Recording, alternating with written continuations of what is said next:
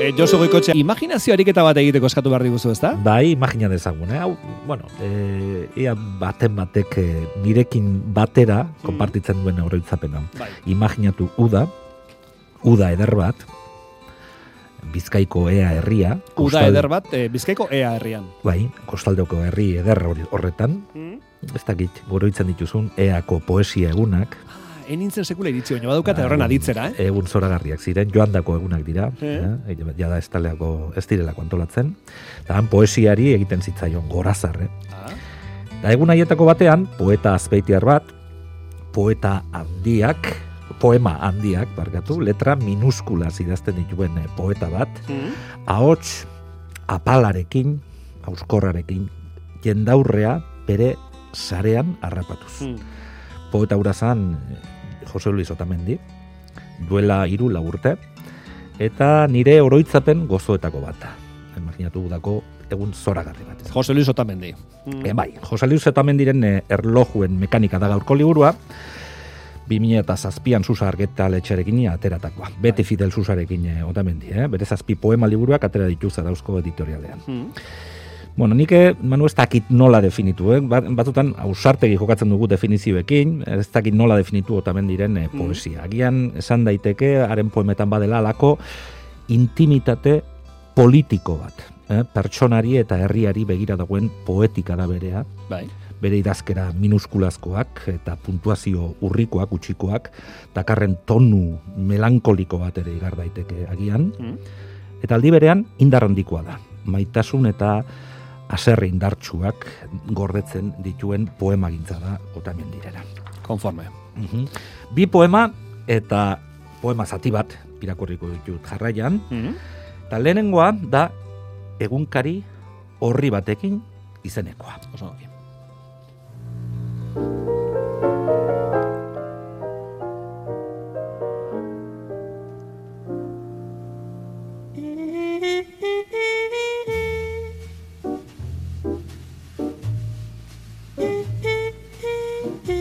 Bil nazazu egunkari horri batean. Bil nazazu. Beldurra baitiot datorren gauari. Bakarrik eman beharko ote dugun. Hainbeste ordu, hainbeste leku. Elkar topatu ezinik errari. Jar iezadazu egunkari horri bat eskuan. Bandera ederra inonezten herriarentzat eta loak arnazan ez utzi. Amets egiten segi nahi baitut oraindik. Neure hitzekin, neure herrian, luzaro. Jarri ezadazu egunkari horri bat eskuan, erren ez egiteko, eror ez nadin, ez dezagun inor kondenatu, lehengo egunen iragan min itxura bil nazazu egunkari horri batean ormatu egingo naiz bestela gauaren hotzean mundutik lekora bil nazazu egunkari horri batean bil nazazu eta maite nazazu gero Egunkari horri batek zema funtzio izan ditzaken, eh? Bai. Praktikoak eta simbolikoak, ze praktikoa Bai. adibidez, ogitartekoak biltzeko ere biltzen zen bere garaian, ez? Bai, bai, arraina biltzeko ere. Baita bai, ere. Zen, baina hori gustut galdu dugula pixka. Galdu da? Bai. zoruak lehortzeko erabiltzen da baita ere. Baita ere, baita ere, kristala garbitzeko, eta Bai. hemen poema poesian, ba, personak biltzeko ere, bai. Et, eta ziklistek turmalet eta jetxi bartzutenean, eh, hotz egiten zuenean, ez? Egia. Sabela, sabela estaltzeko, Egia. ez? Eta berotzeko, ez? ust- okerrezpanago, da oso teknika aproposa, e, beraiek e, txirrindularik esana, ba, Bai. berotasun hori gordetzeko, Bai. eta aldapa, aldapa bera abiatzeko ziztu bizian. Hori da. E, e, gero San Ferminetan baita ere, ez den aurrean, orain ja astuta daukagu hori, eh? Baina, Bai, bai, bai, egunkarian. benetan. Bai. Ari ginen otamendirekin, eta otamendiren bai. egunkari horri batekin, irakurri dugu zoragarri, eh? Poli, polita poema, ezta? Oso polita. Ba, oso pole, po- poesia ederrak dauzka otamendik, Mm. eta bueno, oso, oso estimatua da poegin, poemagintzan, euskal literatura, literaturzaleen artean.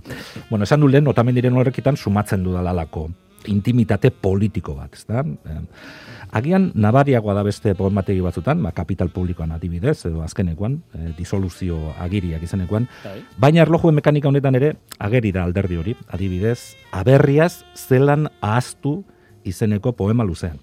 Nik eh, zati bat baino ez dut irakurriko oso poema luzea eh, ona da, baina oso Mhm. luzea da. Eta poema honen gaiak eh, badauka tradizioa manu.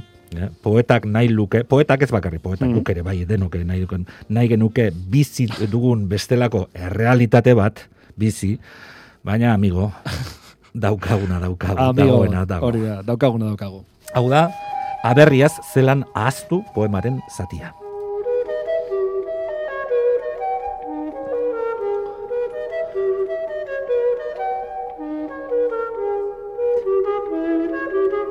Neure herritarrekin batera, ahaztu egin nahiko nuke aberria.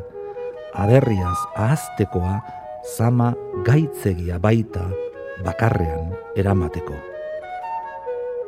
baina denon artean aberri hau behin betikoz ahazten dugun arte nire herrian bizi nahiko nuke eguneroko poz nekeei indar guztiak emanda apalago bizi gizaki bati dagozkion neurriko kezkekin. Gure arteko hitzak azken eremu librea balira bezala defendituz.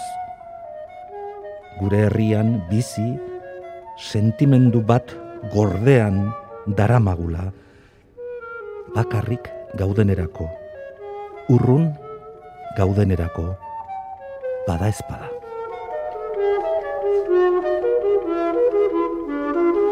Josu eta aberritik mundura, ez? Aberritik mundura, Mundura, ez? ez? Ezta? Aberriaren munduaren parte da, eta gu ere munduaren Mm. parte gara. Baina mundua ez da gurea. Eh? Horixe esaten digu otamendik poema luzetza amarre honetan.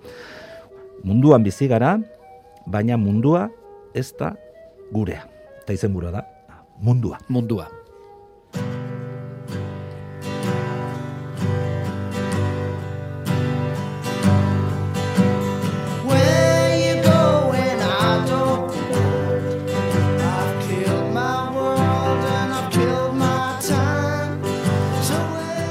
Gu munduarenak gara, baina mundua ez da gurea. Gu euriarenak gara, jendearenak gara, baina mundua ez da gurea. Munduak baditu bazterrak maitatzeko eta desmaitatzeko, kale arte eta egunak, etxe jasoberriak, zelai izoztuak, errepide argistatuak gauean, munduarenak dira. Naiz munduan bizi, naiz mundua gugan bizi aldi batez, mundua ez da gurea. Denok gara munduarenak, batzuetan ematen du munduak baduela jabea.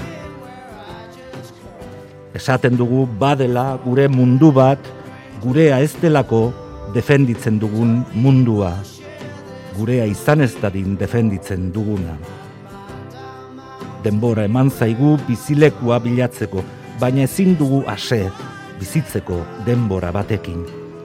Denborak abegi egiten digu, ontzia egiten diogu egokitu zaigun aldiari. Gerok sarritan kausa ederren izenean mundua eizatu, lotu, gure egin nahi izaten dugu. Eta gauzak okertu egiten dira zeharo, mundua ez baita gurea defenditu egiten ditugu munduko eremu eta esparruak jendeak izan alditzan nork bere denbora eta aukerak. Sintaxi ulergarri bat. Ibaiek euntzen dute itsasoa baina hitzetan mamitzen da mundua. Jendea eta gauzenganako begirune eske gu munduan bizi gara. Mundua gugan bizi da aldi batez. Esitu gabeko euria giltzatu gabeko jendea, gu mundu gara, baina mundua ez da gurea.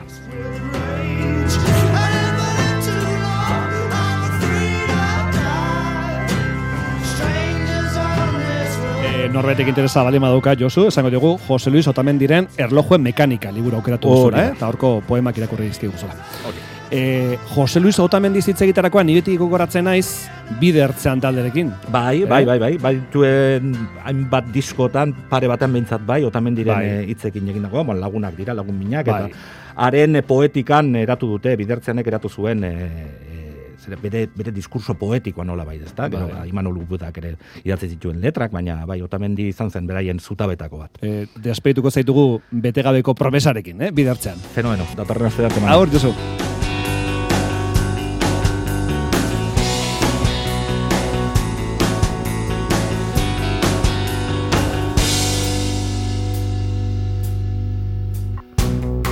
Bete gabeko